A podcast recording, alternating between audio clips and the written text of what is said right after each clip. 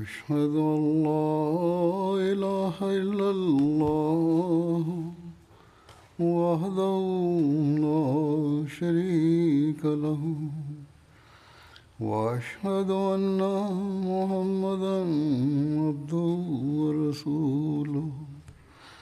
أما بعد فأعوذ بالله من الشيطان الرجيم. بسم الله الرحمن الرحيم. الحمد لله رب العالمين. الرحمن الرحيم. مالك يوم الدين. إياك نعبد وإياك نستعين. اهدنا الصراط المستقيم.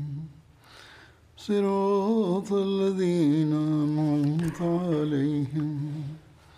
غير المغضوب عليهم ولا الضالين.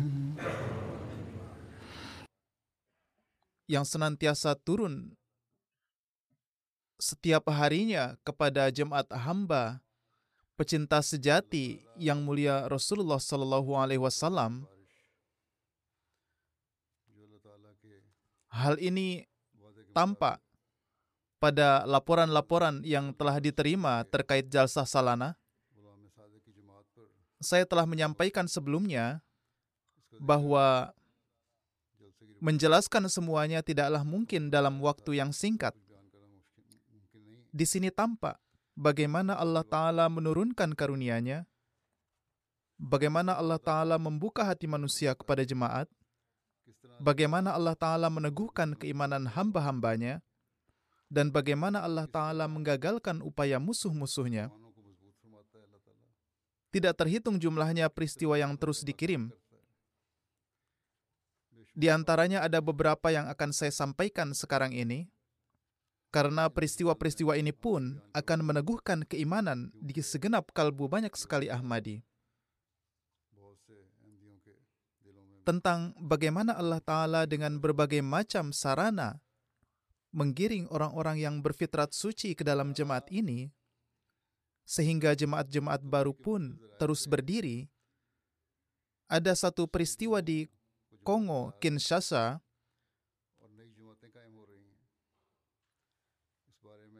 ada stasiun radio FM milik jemaat di sana. Mubalik lokal di sana, Tuan Hamid menulis, di kota Uwera ada seorang imam masjid bernama Tuan Isa yang menghubungi jemaat setelah menyimak program radio jemaat. Lalu imam ini datang ke rumah misi dan setelah memahami ajaran jemaat, maka beliau pun bayat. Ternyata beliau tidak hanya bayat, tetapi beliau kembali ke desanya, Kaliba Anderi, dan mulai melakukan tablik juga di sana. Sebagai hasilnya, dari tablik beliau, 24 orang masuk jemaat Ahmadiyah. Ketika ada mubalik dari pusat yang pergi ke sana untuk berkunjung, ada delapan orang lagi yang melakukan bayat. Dengan demikian jemaat pun berdiri di sana. Sekarang di satu sisi kita melihat bagaimana Allah Ta'ala memungkinkan imam yang bertabiat baik ini untuk mendengarkan dan memahami pesan jemaat. Sementara itu di sisi lain, orang-orang yang menamakan diri mereka ulama di Pakistan tidak tahu apa pun selain menentang jemaat.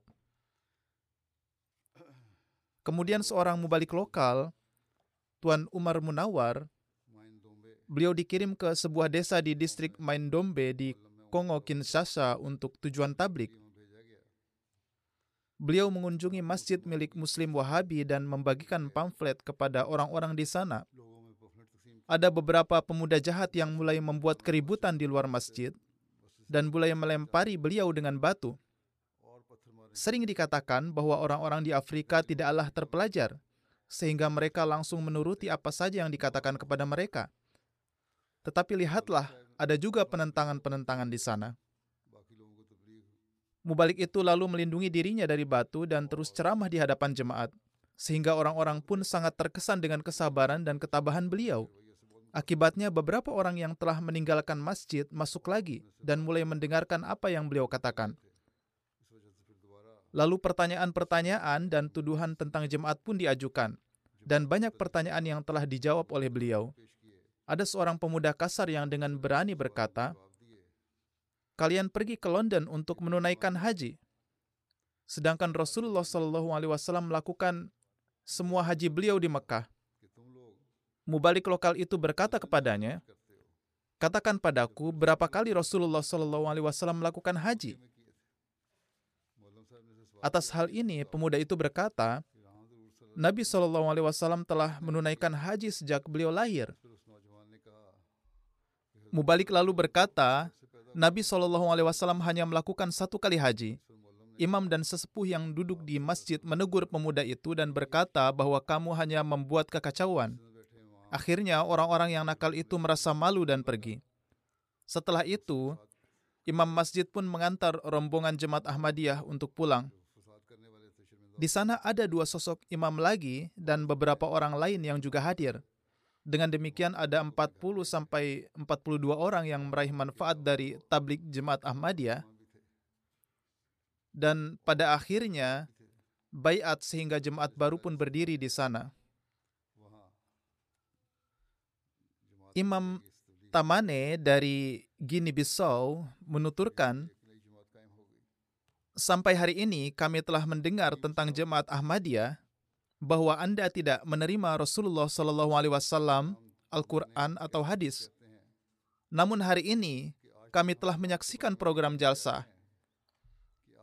Ia mengatakan, dengan berkat jalsa ini, kami memiliki kesempatan untuk melihat dan menyimak khalifah Anda yang memberikan nasihat yang murni berasal dari ajaran Allah Ta'ala, Rasulullah Muhammad Sallallahu Alaihi Wasallam, Al-Quran dan hadis.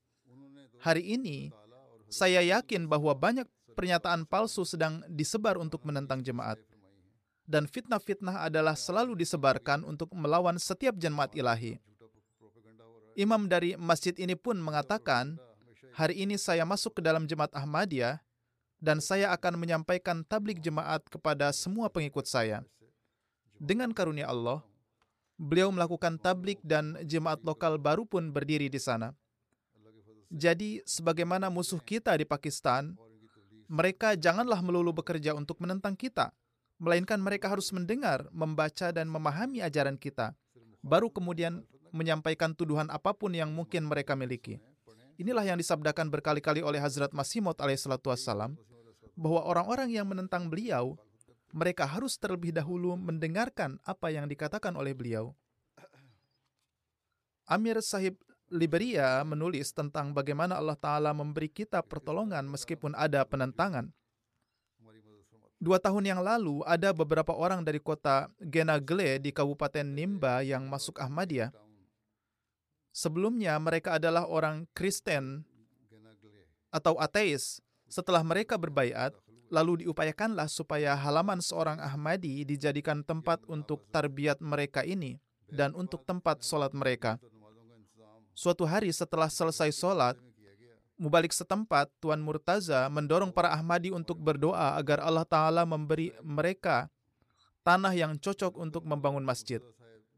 Daerah ini adalah pusat agama Kristen dan ateisme, dan mereka tidak melihat orang Muslim dengan pandangan yang baik. Oleh karena itu, sangatlah sulit untuk mendapatkan tanah untuk membangun masjid. Ketika Mubalik masih berbicara tentang hal ini, lalu ada Tuan Dahan, seorang ateis yang bahkan tidak percaya pada Tuhan. Ia saat itu duduk di sana lalu berdiri dan berkata, Semenjak Mubalik datang ke desa kami, saya sendiri telah menyaksikan akhlak yang sangat baik dalam diri beliau. Beliau bertemu semua orang, makan bersama di satu wadah, sampai-sampai ia datang untuk duduk bersama saya, yaitu seorang ateis dan pemabuk, dan bertanya bagaimana keadaan saya. Saya belum pernah melihat akhlak seperti ini sebelumnya. Saya memiliki sebidang tanah yang ingin saya bangun sebagai rumah saya, tetapi hari ini saya menyumbangkan tanah ini untuk membangun masjid. Beberapa hari kemudian, ia pun berjanji untuk meninggalkan minum alkohol sepenuhnya, melakukan perbuatan yang sangat luar biasa, dan terus maju dalam ketulusan. Ia sedemikian maju dalam ketulusan hingga orang-orang menyaksikan bagaimana ia berubah menjadi orang yang sama sekali berbeda. Pembangunan masjid pun dimulai di sana. Ada orang-orang yang mengeluh kepada kepala suku bahwa beliau tidak boleh mengizinkan pembangunan masjid di sana. Namun, Tuan Dahan menyeru dengan penuh keberanian, "Saya telah memberikan tanah saya untuk masjid dan masjid akan dibangun di sini." Dengan demikian, pembangunan masjid pun selesai. Dan ini merupakan masjid pertama di kawasan tersebut. Namanya adalah Masjid Baitun Nur. Demikianlah dengan karunia Allah Ta'ala, orang non-muslim bahkan ateis yang tidak beriman kepada Tuhan, ia tidak hanya memperoleh keyakinan akan adanya Tuhan, tetapi juga menerima Islam sebagai agama yang benar.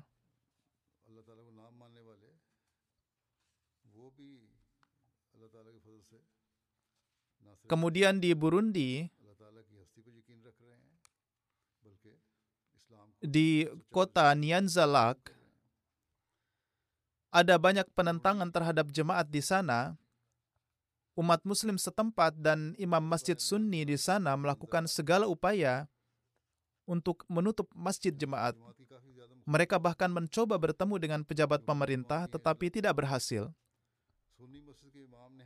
Mubalik lokal jemaat, Tuan Hamza Endo Wimana memanggil imam itu untuk acara tanya jawab. Dalam dialog ini dibahas tentang kewafatan Nabi Isa alaihissalam.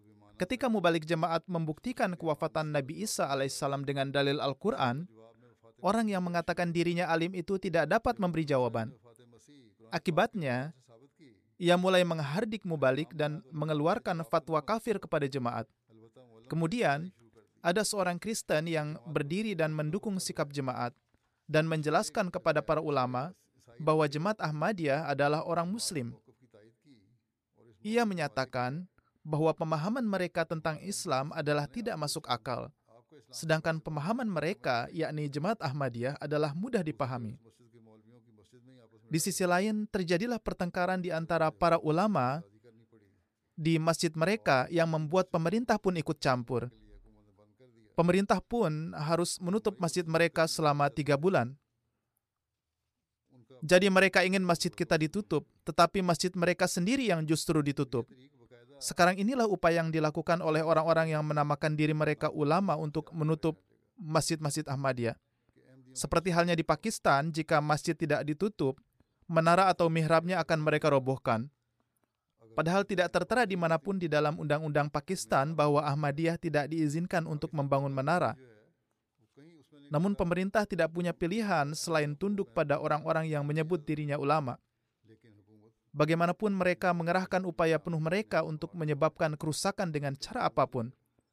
Namun, insya Allah, mereka sendiri akan mati suatu hari nanti. Di Pakistan, kita dilarang menerbitkan Al-Quran, apalagi terjemahannya. Bahkan, menyebarkannya adalah kejahatan yang tak termaafkan, meskipun hanya beberapa lafaz Arab saja. Bahkan, beberapa orang telah menghadapi perlakuan kasar seperti itu dan ada juga kasus bahwa hanya karena para Ahmadi mendengarkan bacaan Al-Quran atau memutar rekamannya. Inilah Islam sekarang yang dimiliki oleh orang yang menamakan diri mereka sebagai ulama. Ulama ini justru telah sepenuhnya mencoreng wajah agama. Seiring dengan ini, perhatikanlah bagaimana Allah Ta'ala membuka jalan bagi kita bagaimana kita telah menerbitkan Al-Quran di berbagai negara di dunia dan bagaimana Al-Quran kita telah disukai di mana-mana, terutama terjemahannya, baik dalam bahasa apa pun juga, dan orang-orang telah tertarik ke arah itu. Seorang mubalik lokal di Darussalam, Tanzania, menuturkan bahwa beliau pergi untuk membagikan brosur jemaat di suatu, suatu daerah dan juga menjual buku-buku jemaat sehingga kontak untuk tablik pun terjadi. Beliau menuturkan, suatu hari saya menerima telepon dari seorang non-Ahmadi yang tinggal 30 km dari saya, dari saya bahwa ia ingin membeli Al-Quran terjemahan bahasa Swahili. Mubalik itu mengatakan kepadanya bahwa ia dapat saja menemukan Al-Quran di daerah terdekat. Namun orang tersebut menjawab, saya sangat menyukai terjemahan dan tafsir milik jemaat. Banyak orang yang telah menerjemahkan Al-Quran dengan berbagai corak, namun saya sangat menikmati hasil terjemahan karya jemaat Ahmadiyah karena masuk akal, dan inilah yang saya ingin miliki. Tuan Bilal, seorang mubalik di Mali menuturkan, Jemaat Ahmadiyah mendapatkan kehormatan untuk mengadakan pameran Al-Quran. Ada seorang pelajar yang datang ke stand jemaat dan dia diperkenalkan dengan terjemahan Al-Quran Perancis. Dan bahwa terjemahan Perancis karya jemaat adalah yang terbaik yang tersedia saat ini. Atas hal ini, pemuda ini berkata bahwa dia sudah memiliki Al-Quran terjemahan bahasa Perancis di rumah yang lebih baik daripada yang dimiliki oleh jemaat. Kemudian ia pun pulang membawa Al-Quran jemaat. Ia kemudian menghabiskan waktu lebih dari satu jam memikirkan bagaimana bisa terjemahan karya jemaat lebih baik daripada terjemahan miliknya. Ia terus membandingkan kedua terjemahan tersebut. Ia memiliki sikap bijaksana. Pada akhirnya ia tidak punya pilihan selain menganggap terjemahan jemaat jauh lebih baik. Dan kenyataannya jauh lebih mudah untuk memahami Al-Quran dengannya ia kemudian membeli satu Al-Quran terjemahan jemaat. Ada sebuah peristiwa tentang bagaimana pengetahuan tentang ajaran Islam yang hakiki dan keimanan kepada Allah Ta'ala meningkat di kalangan umat Islam yang berfitrat suci berkat ajaran jemaat dan tulisan Hazrat Masih Maud wassalam. Di pameran buku di Jorhat, seorang pria bernama Tulan Julaimus, seorang sarjana komputer, datang ke stan buku jemaat dan mulai melihat foto Hazrat Masih Maud alaihissalam dan buku-buku jemaat. Setelah beberapa saat, pria tersebut mulai berbicara dengan mubalik kami yang sedang bertugas dan ia meneteskan air mata. Ia berkata, hari ini jika saya dapat berdiri di hadapan Anda sebagai seorang Muslim, maka itu hanya karena Jemaat Ahmadiyah. Jemaat Ahmadiyah telah menganugerahkan nikmat yang besar kepadaku. Dia ditanya apakah dia seorang Ahmadi dan kebaikan apa yang diberikan jemaat kepadanya. Dia menjawab, saya bukan seorang Ahmadi, tetapi saya telah menyimpan, saya telah menyimpang begitu jauh dari agama sehingga saya menjadi seorang ateis. Namun di rumah saya, Ayah saya memiliki beberapa buku tua Jemaat Ahmadiyah yang ditulis oleh Hazrat Mirza Gulam Ahmad Kadiani Sahib. Saya mempelajari buku-buku itu di mana Hazrat Masih Maud memberikan bukti-bukti keberadaan Allah Ta'ala yang membuka mata saya dan membuat saya takjub. Saya kemudian menjadi yakin akan keberadaan Allah Ta'ala. Dengan cara ini, bahkan orang-orang yang telah menjadi ateis pun dapat menemukan kembali keimanannya berkat tulisan-tulisan jemaat ia lebih lanjut mengatakan, saya sekarang secara teratur mempelajari website Jemaat Ahmadiyah. Dalil-dalil yang disampaikan oleh Jemaat Ahmadiyah yang berpihak pada Islam telah memperkuat keimanan saya dan juga menambah ilmu saya. Karena Jemaat Ahmadiyah, saya telah menjadi seorang muslim di hari ini. Di barat, ada negara-negara seperti Swedia, Denmark, dan lain-lain yang mencoba mencoreng nama Al-Quran. Tetapi ketika ajaran Islam yang indah disajikan kepada mereka, sikap para penentang pun berubah. Jadi saat ini hanya jemaat Ahmadiyah lah yang berjuang untuk mengangkat kedudukan dan derajat Al-Quran di pandangan orang lain dan menjelaskan ajarannya yang sebenarnya kepada orang lain. Seorang wanita Jerman mengatakan bahwa ada pameran Al-Quran dan buku-buku jemaat Ahmadiyah. Pameran ini terdiri dari berbagai topik tentang Islam, di sana terdapat ayat-ayat Al-Quran dan kutipan dari hadis yang menunjukkan bahwa Islam sama sekali tidak menganjurkan kekerasan. Wanita ini berkata, jemaat Anda telah menjelaskan ajaran Islam dengan cara yang mudah dimengerti bagi kami. Saya kini tidak menemukan alasan mengapa kita harus menentang Islam atau Al-Quran. Selanjutnya, Bagaimanakah tablik melalui Al-Quran dan buku-buku tentang ajaran Islam telah berkesan di masyarakat? saya akan sampaikan satu peristiwa tentang hal ini. Di pameran buku Golagat, seorang profesor muslim bernama Sabana Yasmin datang untuk melihat stand kami. Orang yang menulis laporan ini mengatakan, ketika ia melihat pameran kami, ia sangat senang. Ia kemudian mengambil terjemahan Al-Quran bahasa Assam. Pameran ini berlangsung di Assam dan berkata kepada sesama profesor, Mimpi saya telah menjadi kenyataan hari ini. Sudah lama saya mencari terjemahan Al-Quran bahasa Assam. Saya memiliki seorang guru yang meminta saya berkali-kali untuk mencarikan terjemahan Al-Quran bahasa Assam. Tetapi karena saya tidak memilikinya, saya tidak dapat memberikannya. Ini sangat mengecewakan bagi saya dan saya dapat menyesal menjadi seorang muslim karena tidak bisa memberikannya terjemahan Al-Quran. Setelah meninggalnya guru saya, hari ini saya akhirnya mendapatkannya. Bahkan jika harganya ribuan rupiah sekalipun, saya pasti akan membelinya. Jadi hanya karena karunia Allah Ta'ala bahwa bahkan di tempat yang jauh di mana Al-Quran dan buku-buku Islam lainnya tidak tersedia bagi umat Islam, Jemaat Ahmadiyah dapat memenuhi kebutuhan kerohanian dan agama mereka melalui penyelenggaraan pameran buku. Kemudian selama pameran buku di Maji ada seorang wanita bernama Banti Dobaras yang saat itu tengah membangun sebuah pura untuk Dewa Siwa dan untuk menyebarkan agamanya. Ia adalah seorang Hindu. Ketika ia melihat stand pameran kami, ia terheran-heran bahwa di daerah yang penduduk muslimnya sangat sedikit, ada juga stand buku-buku Islam. Ia datang ke stand kami dan memulai diskusi ia kembali dengan sangat bahagia dan puas. Keesokan harinya ia mengunjungi warung stand itu lagi dan membawa buah-buahan dan lain-lainnya untuk semua orang di stand jemaat. Ia sangat senang melihat Al-Quran. Ia membeli Al-Quran dan berkata, hari ini kamu telah memenuhi impianku. Dia membeli Al-Quran dan mendekapkannya di dadanya. Dia juga berfoto dengannya. Mubalik di Republik Ceko, sebuah negara di Eropa Timur mengatakan bahwa ada seorang pemuda datang ke stand tablik kita dan berkata, saya telah sampai pada kesimpulan bahwa Tuhan itu ada. Tetapi saya tidak tahu agama mana yang akan dapat membawa saya kepada Tuhan.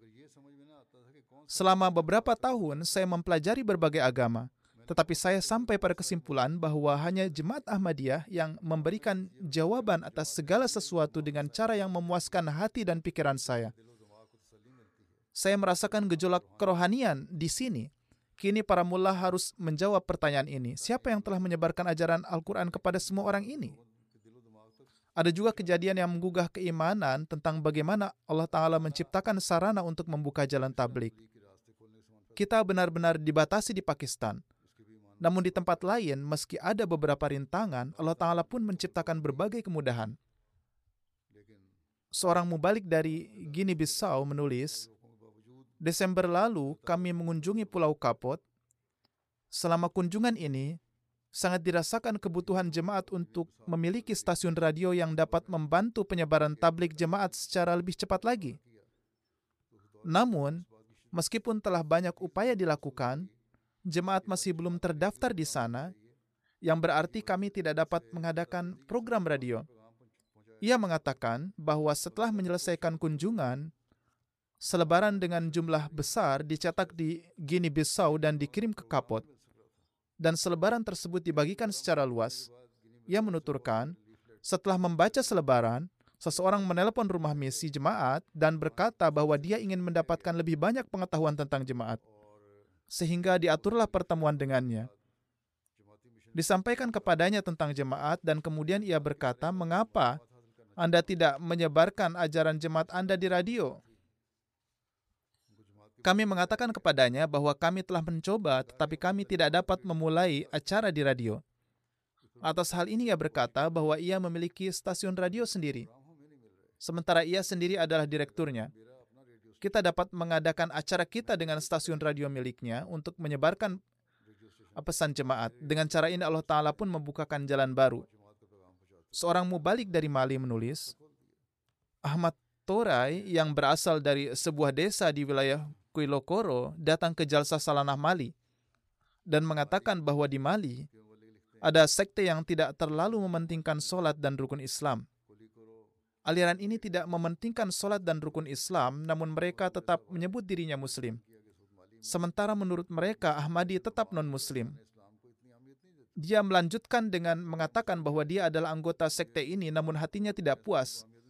Ia memiliki tabiat yang suci dan menyatakan, Meskipun mereka sektenya meyakini bahwa tidak perlu rukun Islam dan iman atau untuk sholat, hatinya tetap tidak puas dengan ini. Suatu hari, ia sedang mendengarkan radio dan kebetulan itu adalah program radio jemaat di mana cara sholat yang benar sedang diajarkan.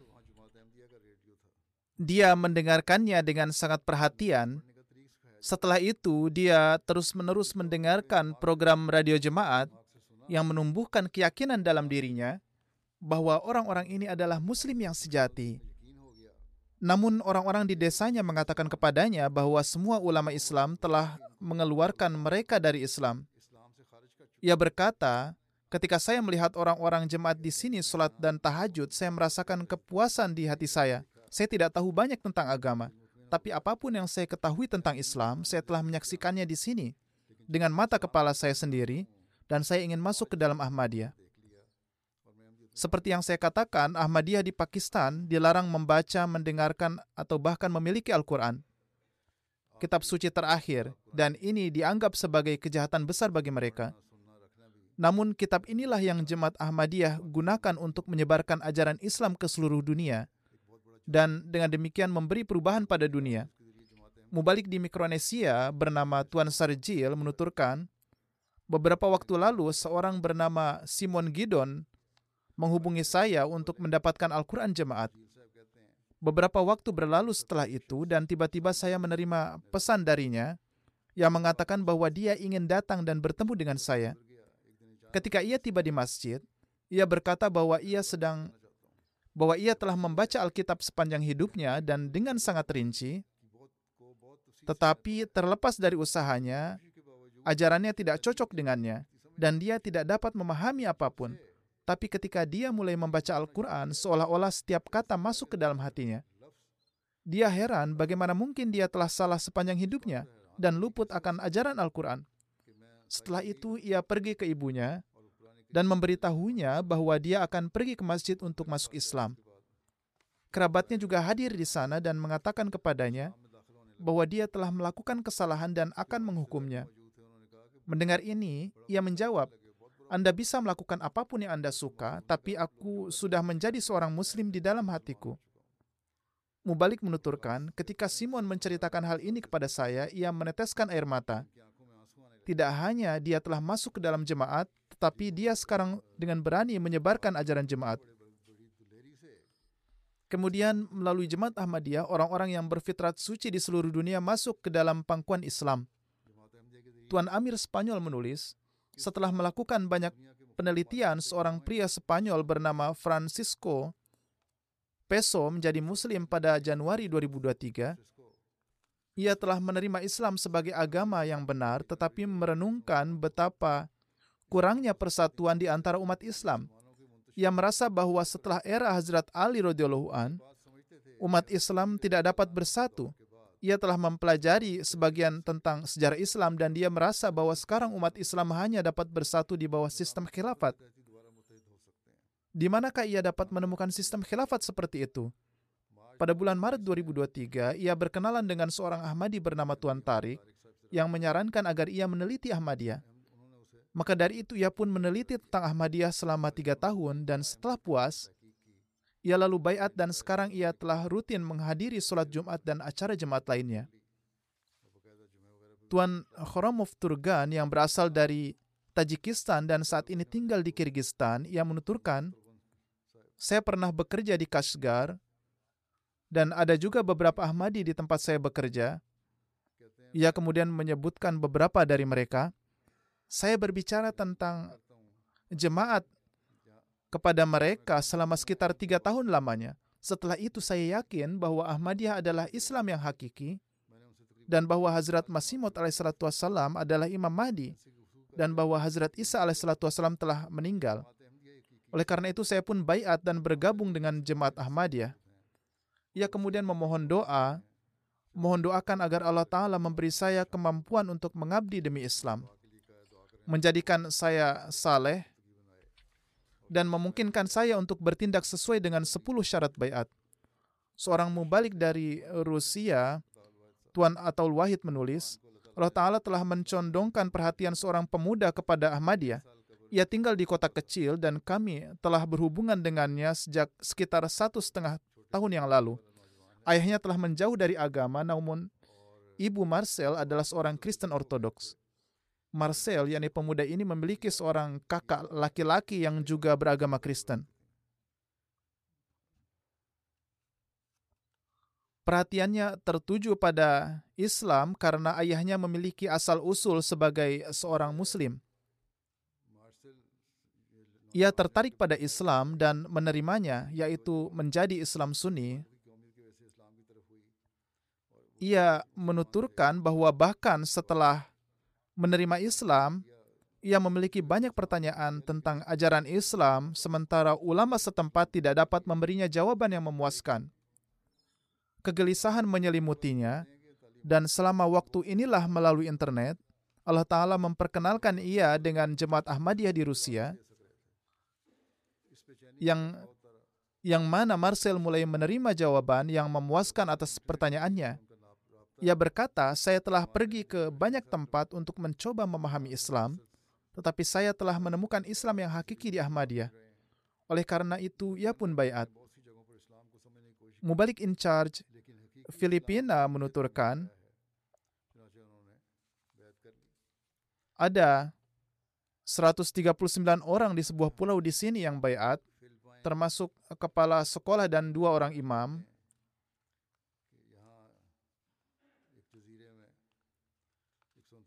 dan juga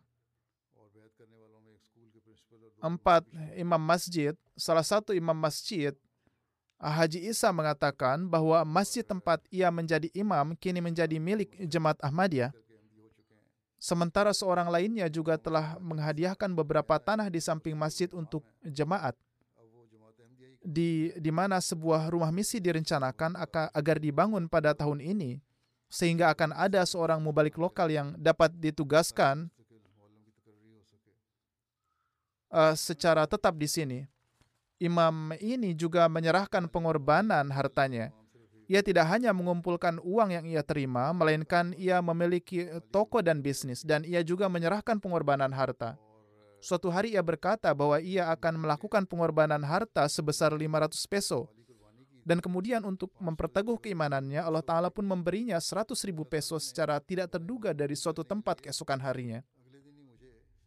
Beginilah cara Allah Ta'ala membimbing sendiri orang-orang yang memiliki fitrat yang suci.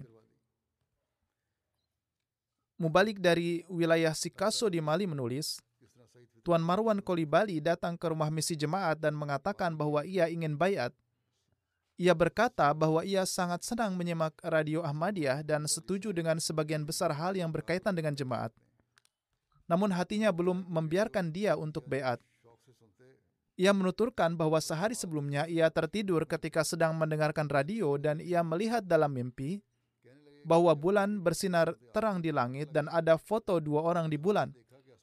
Satu gambar besar dan yang lain kecil dan anak-anak di dekatnya menyeru kepadanya, ini adalah foto Imam Mahdi dan para khalifahnya. Mereka telah datang.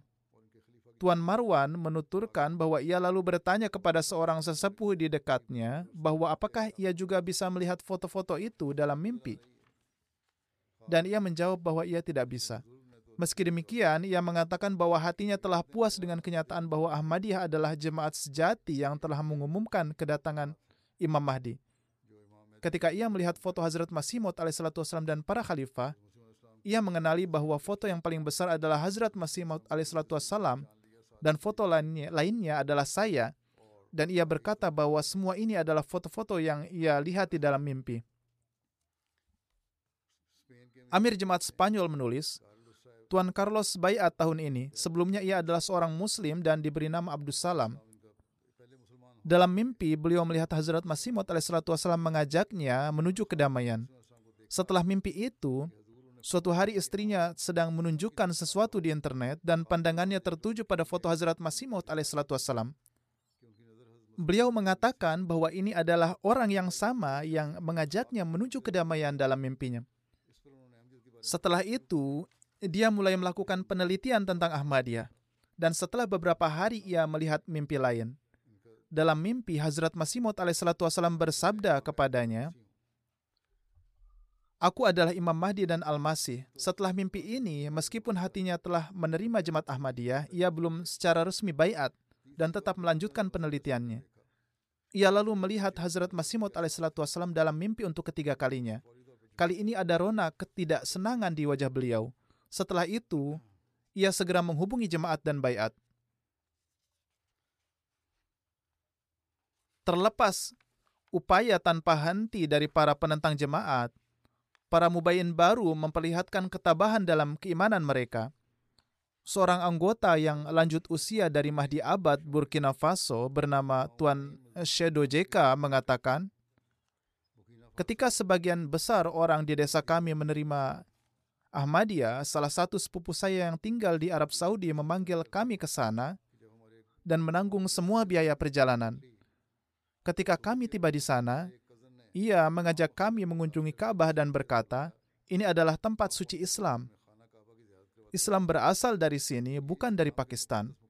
Karena itu taatilah ajaran Wahabi di sini dan tinggalkanlah Ahmadiyah." Saya berkata, "Apakah Anda membawa kami ke sini untuk memberitahu kami hal ini?" Ia mengangguk sebagai penegasan.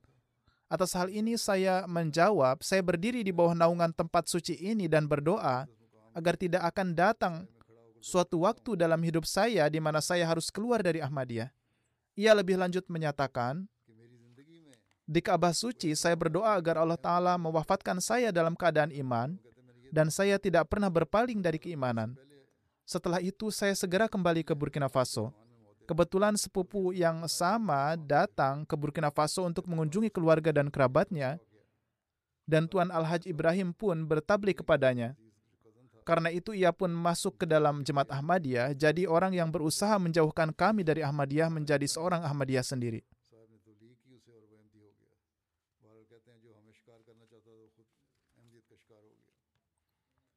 Sehubungan dengan keteguhan hati dan tekad menghadapi penentangan, Tuan Amir Jemaat Burkina Faso mengatakan bahwa seorang mubalik lokal di wilayah Dori Tuan Umar Deko mengatakan, eh, suatu hari sekelompok ulama Wahabi datang ke rumah saya dan menyuruh saya untuk meninggalkan Ahmadiyah. Jika tidak, mereka akan membunuh saya. Umar Deko Sahib menjawab, Anda boleh membunuh saya, tetapi tidak mungkin bagi saya untuk meninggalkan Ahmadiyah, dan saya juga tidak akan berhenti bertablik. Setelah itu, mereka pergi dengan marah. Keesokan harinya, Orang-orang bersenjata datang ke rumahnya dan anggota Ahmadi lainnya menasihatinya untuk pergi ke Dori. Malam itu, mubalik itu tetap menjalankan sholat bersama keluarganya dan memohon petunjuk dari Allah Ta'ala. Beliau melihat seseorang dalam mimpi bernama Ismail.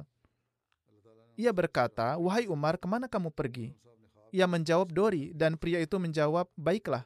Keesokan paginya setelah mimpi ini, beliau pindah ke Dori dengan sopir taksi yang juga memastikan agar beliau tiba dengan selamat. Setibanya di Dori, istrinya menelpon dan memberitahu Mubalik bahwa tentara bersenjata datang mencarinya. Dengan cara ini Allah Ta'ala pun telah menyelamatkan nyawanya.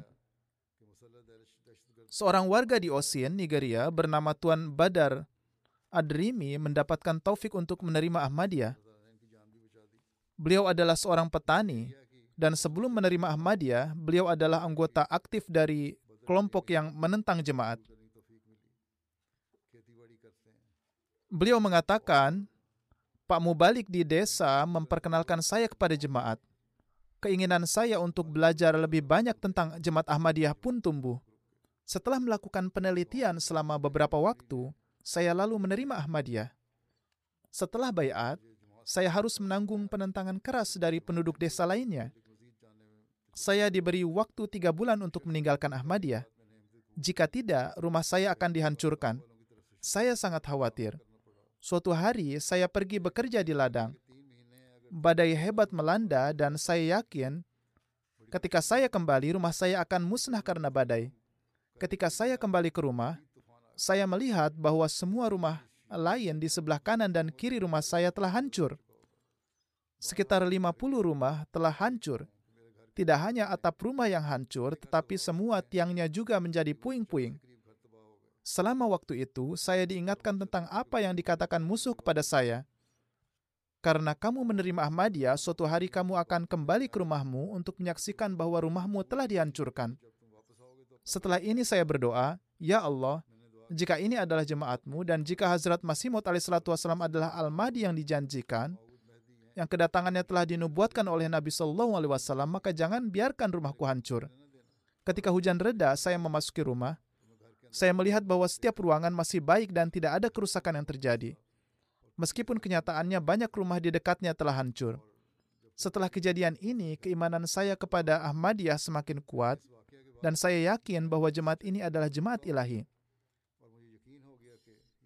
Di setiap negara di dunia, Allah Ta'ala mewujudkan kejadian-kejadian seperti itu dan pertolongannya kepada Hazrat Masih Maud wassalam yang mengajarkan kepada kita ajaran Islam yang hakiki.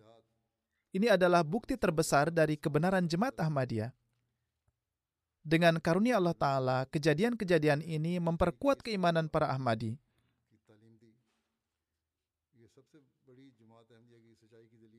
Semoga Allah Ta'ala membuka mata dunia dan memberikan taufik kepada mereka untuk meraih keyakinan dalam iman mereka.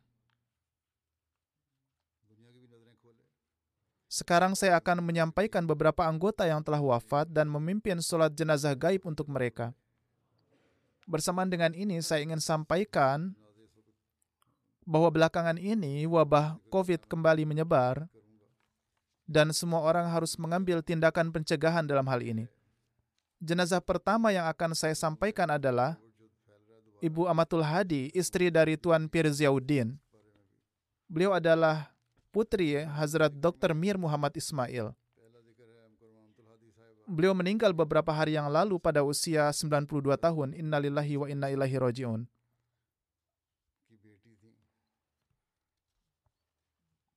Putranya,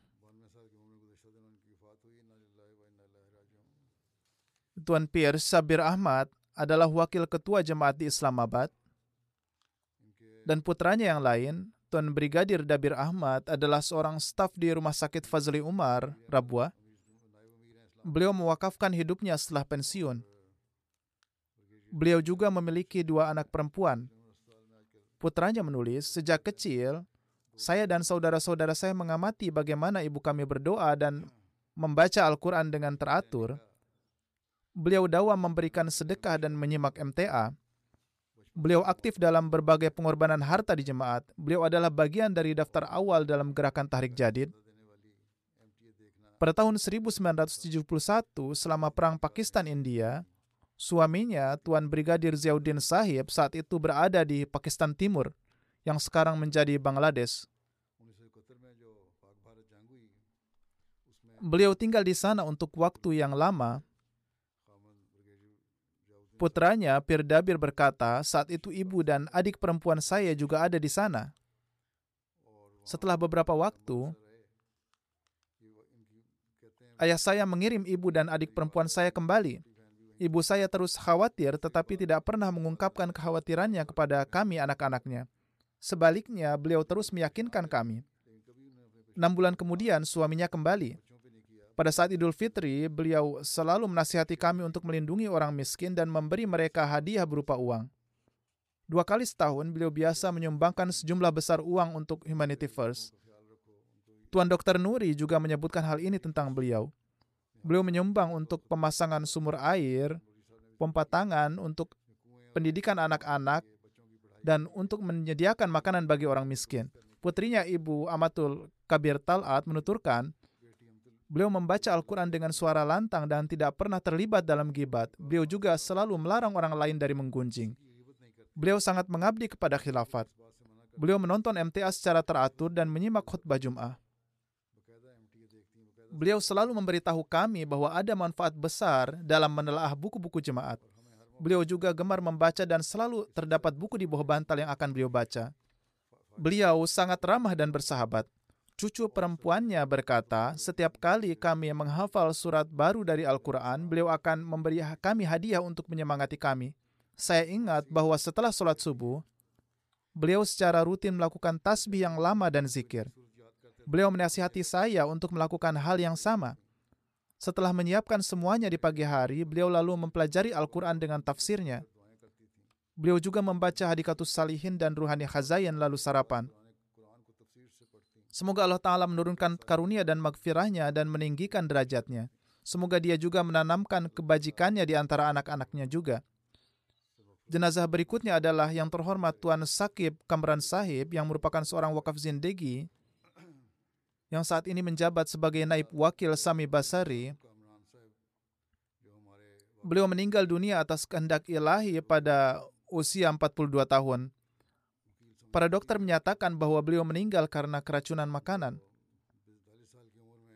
Kejadian lainnya adalah ketika 45 menit sebelum kewafatan Tuan Sakib, putranya yang bernama Arif Kamran juga memakan makanan yang sama lalu juga wafat. Innalillahi wa inna ilaihi rojiun.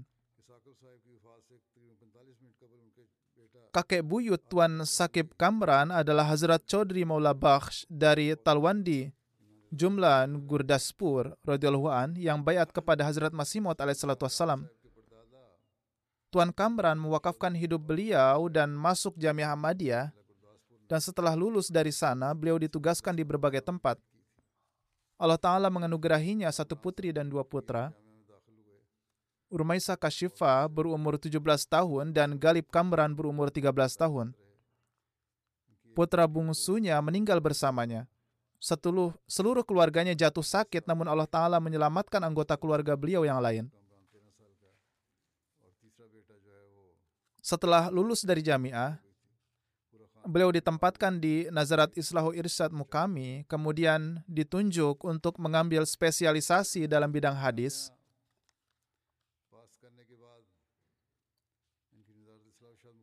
Di bawah wakalat talim Tahrik Jadid, beliau kemudian dikirim ke Suriah untuk memperoleh pendidikan lebih lanjut dalam bahasa Arab. Namun karena keadaan di sana, beliau harus kembali atau mungkin karena alasan lain. Setelah itu, pada bulan Desember 2018, dibangunlah studio di bawah Tahrik Jadid dan beliau diangkat sebagai naib wakil Sami Basari Tahrik Jadid dan terus berkhidmat dalam jabatan ini hingga wafat. Allah Ta'ala memberikan taufik kepada beliau untuk berkhidmat selama 18 tahun. Ibunya, Ibu Sadika Begum Sahibah, mengatakan bahwa Kamran lahir sebelum gerakan Wakfinau dicanangkan dan ia memohon kepada Hazrat Khalifatul Masih, Rabi, rahimahullah untuk menerima kedua putranya yang masih kecil dalam gerakan Wakfinau. Hazrat Khalifatul Masih Rabi rahimahullah menerima permohonannya dan memasukkannya. Istri beliau menuturkan bahwa beliau memiliki sifat yang sangat baik dan tidak mungkin dijelaskan dengan kata-kata. Beliau menaruh perhatian besar pada solat dan sangat mencintai khilafat. Beliau selalu menjaga amanat jemaat. Beliau memperlihatkan banyak kasih sayang kepada semua orang yang memiliki hubungan dengannya. Peduli dengan semua orang dan setiap anggota jemaat selalu berusaha untuk memberikan anak-anaknya tarbiyat yang sangat baik.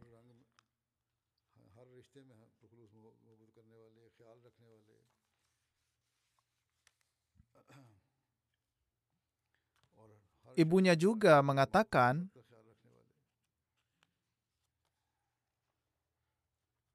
Ibunya juga mengatakan bahwa beliau tidak pernah berbicara dengan nada tinggi di depan orang tuanya seperti yang disebutkan dalam Al-Quran untuk tidak mengucapkan kata-kata yang menunjukkan rasa enggan di depan orang tua. Beliau tidak pernah mengungkapkan rahasia teman-temannya dan juga tidak akan mengungkapkan rahasia jemaat. Istrinya menuturkan bahwa jika kami mendengar tentang suatu hal dari luar, kami bertanya kepada almarhum tentang hal itu dan beliau mengatakan bahwa informasi itu adalah amanah dan karena itu ia tidak akan mengatakan apa-apa tentang hal itu kepada kami. Beliau sangat memperhatikan sholat berjamaah dan menasihati anak-anaknya tentang hal ini. beliau selalu berusaha untuk memberikan perhatian besar pada anak dan istrinya di rumah dan berusaha untuk memenuhi kebutuhan mereka. Beliau sangat setia pada semua kerabatnya. Putrinya Rumaisah mengatakan, ayah saya sangat rendah hati dan saleh. Beliau selalu memperhatikan orang miskin, sangat bijaksana dan berwawasan luas. Selalu menunjukkan ketaatan dan keta dan teratur dalam melaksanakan sholat tahajud. Beliau memiliki cara hat cara yang sangat unik untuk memberi kami tarbiat dan dapat menasihati kami hanya dengan isyarat mata saja. Beliau selalu memikirkan tarbiat kami dan selalu memberitahu kami bahwa kalian adalah anak wakfinau dan ingatlah hal ini. Saya mengajukan begitu banyak pertanyaan dan terlepas dari keadaan apa pun, beliau tidak pernah menunjukkan keengganan untuk menjawab pertanyaan saya. Tuan Rauhan Ahmad yang saat ini masih di penjara di jalan Allah, Beliau menuturkan, saya mendapatkan kesempatan untuk bekerja dalam waktu yang lama di bawah bimbingan dan pengawasan beliau. Beliau selalu membimbing saya layaknya seorang sahabat yang sangat mencintai. Beliau berperangai lembut dan pribadi yang berakhlak baik dan merupakan sosok yang berbakat dalam memimpin. Beliau juga merupakan seorang hadim jemaat yang mukhlis. Kedermawanan dan rasa simpatik beliau sangat luar biasa.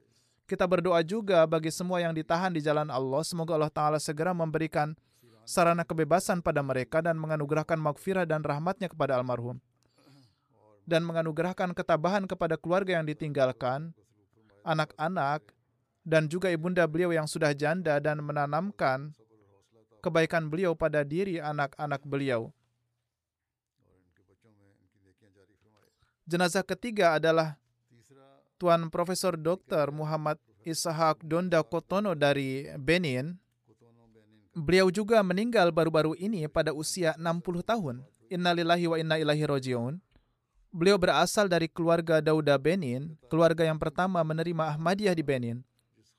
Yang terhormat Zikrullah Daud Sahib, Ahmadi pertama di Benin adalah paman beliau dari pihak ayah.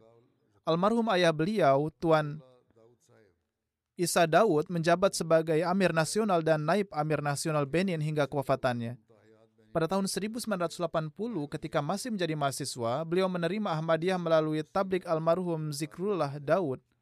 Setelah menerima Ahmadiyah, beliau terus bertablik kepada orang tuanya bersama paman dari pihak ibu. Setelah beberapa waktu, ibu dan ayahnya juga menjadi Ahmadi melalui tabliknya.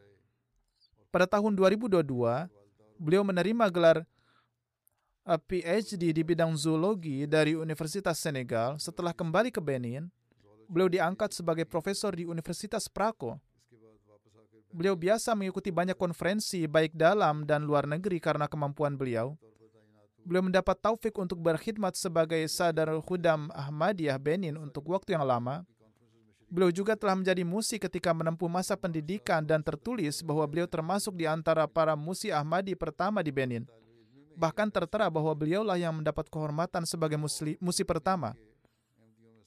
Istri beliau, Ibu Rehana Dawud, yang saat ini berkhidmat sebagai Sekretaris Tarbiyat Lajanah Nasional, menuturkan, saya menerima Ahmadiyah melalui tablik suami saya setelah menikah. Beliau mengajari saya sarnal Al-Quran dan kemudian Al-Quran. Beliau adalah sosok yang sangat mulia, jujur, dan penyayang. Selalu bersedia untuk melakukan tugas-tugas jemaat dan dawam tahajud. Beliau biasa menasihati saya dan biasa menyuruh saya membaca Al-Quran di rumah agar rahmat dari Allah Ta'ala senantiasa tercurah di rumah kita. Ia lebih lanjut menuturkan, ketika beliau bekerja sebagai wakil dekan universitas, suatu hari ada seorang wanita datang menangis kepadanya dan mengatakan bahwa putrinya gagal dan memintanya untuk meluluskannya. Ia berkata bahwa jika ia lulus, maka suaminya tidak akan lagi membayar biayanya dan akan memukulnya. Ia membawa banyak uang dan ingin memberikannya kepada kepadanya. Tuan Daud berkata, jika seseorang harus lulus dengan membayar uang, maka orang miskin tidak akan pernah bisa lulus. Anda telah membawa uang ini ke sini untuk menyuap saya, namun saya adalah seorang Ahmadi dan tidak akan melakukan hal seperti ini. Anda harus mengambil kembali uang ini dan menyerahkan biayanya ke universitas dan jika ada kekurangan, saya akan memberi Anda lebih banyak uang. Namun untuk menerima suap agar meluluskan putri Anda tidak bisa saya lakukan. Kemudian wanita itu meninggalkan kantong berisi uang itu lalu pergi. Tuan Daud mengatakan bahwa kepadanya bahwa kantong uang itu masih ada di sini dan ia mengambilnya dan membawanya ke akuntan. universitas. Setelah uang dikembalikan, wanita itu bertanya bagaimana ia tahu di mana ia tinggal karena ia bahkan tidak mengenalnya. Wanita yang mengembalikan uang menjawab bahwa akuntan universitas yang telah memberitahunya. Tuan Daud sebenarnya telah mengambil uang itu dan menyerahkannya kepada akuntan dan menyuruhnya mengembalikannya. Setelah itu, sebuah pertemuan diadakan di universitas dan seluruh masalah dibahas di hadapan semua dosen universitas. Dan pihak eksekutif menyatakan bahwa ada total 300 ribu frank, sedangkan ini hanya 150 ribu frank. Namun akuntan itu sendiri yang bertanggung jawab untuk ini. Bagaimana, bagaimanapun lawan-lawannya ingin mencopotnya dari posisi wakil dekan dengan menuduhnya menerima suap, tetapi upaya mereka gagal dan kemudian para staf di universitas dan rekan-rekannya secara terbuka menyatakan bahwa beliau adalah sosok yang sangat dapat dipercaya. Beliau selalu memberikan bantuan kepada para janda miskin di daerah setempat dan membantu memperbaiki rumah mereka dan memperlakukan anak-anak mereka dengan baik. Beliau menunjukkan rasa cinta kepada setiap staf beliau. Atas kewafatan beliau, banyak dosen dari Departemen Pertanian dari Universitas Parakou datang untuk menyampaikan bela sungkawa. Profesor Dr. Ibrahim berkata beliau adalah orang yang sangat rendah hati dan jujur. Beliau umumnya dikenal di universitas sebagai Papa Bonar, yang merupakan kata bahasa Prancis yang berarti orang yang memberi berkah kepada semua orang. Jika ada yang membutuhkan, beliau selalu memberi mereka apa pun yang ada di sakunya dan tidak pernah membiarkan mereka pergi dengan tangan kosong. Beliau memiliki keyakinan yang sangat besar kepada wujud Allah Ta'ala. Tuan Ishak Dauda sangat mencintai Hazrat Masih Maud alaihissalam dan khilafat. Sangat mencintai Nabi SAW sehingga ia berdoa, Ya Allah, usia Nabi suci SAW adalah 63 tahun, jadi jangan biarkan saya hidup lebih lama dari itu. Beliau pernah bercerita kepada seorang mubalik bahwa ketika beliau pergi ke Perancis untuk operasi jantung, beliau adalah pasien jantung, dokter di rumah sakit mencoba melepas cincinnya yang bertuliskan oleh Sallahu bikafin abda, apakah Allah tidak cukup bagi hambanya? Tertulis di atasnya dan ia berkata, jangan lepaskan cincin ini. Ini akan tetap bersamaku sampai kematianku karena ini adalah karunia-karunia dari Allah yang selalu saya ingat. Tuan Mia Komar yang saat ini menjabat sebagai pejabat Amir dan Mubalik in charge mengatakan, ketika saya menjadi Mubalik wilayah di Parakous, segera setelah menerima gajinya, beliau selalu menempatkan uang untuk pengorbanan canda wasiat dan pengorbanan harta lainnya ke dalam amplop dan membawanya ke masjid dan meminta tanda terima untuk itu. Beliau selalu tersenyum dan pada saat menghadapi masalah dan kesulitan beliau berkata, saya berdoa dan saya juga menulis kepada Khalifah untuk mendoakan agar Allah Ta'ala memberikan kemudahan. Beliau meninggalkan seorang istri, dua putri dan dua putra. Putri sulungnya Azizah Muksid Dauda saat ini sedang menyelesaikan PhD-nya di bidang pertanian. Kedua putranya, Rakib Dauda dan Masrur Dauda, sedang belajar di bidang ilmu komputer. Semoga Allah Ta'ala memberikan taufik kepada putra-putri beliau untuk mengikuti jejak kebaikan beliau dan menurunkan rahmat dan magfirahnya kepada almarhum dan mengangkat derajatnya. Setelah sholat Jumat, saya akan memimpin sholat jenazah gaib.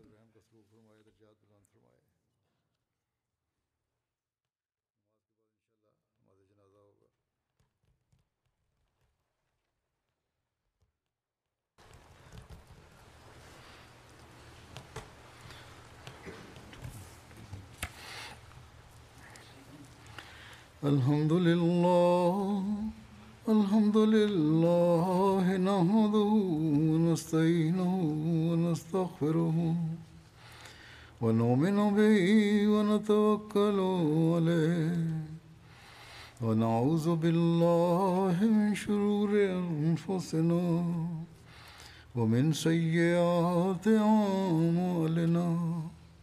من يهده الله فلا مضل له ومن يضلل فلا هادي له. ونشهد أن لا إله إلا الله ونشهد أن محمدا عبده ورسوله. عباد الله رحمكم الله. إن الله يأمر بالعدل واللسان وإيتاء ذي القربى وينهى عن الفحشاء والمنكر والبغي يعظكم لعلكم تذكرون. اذكروا الله يذكركم وادعوه يستجب لكم. ولذكر الله أكبر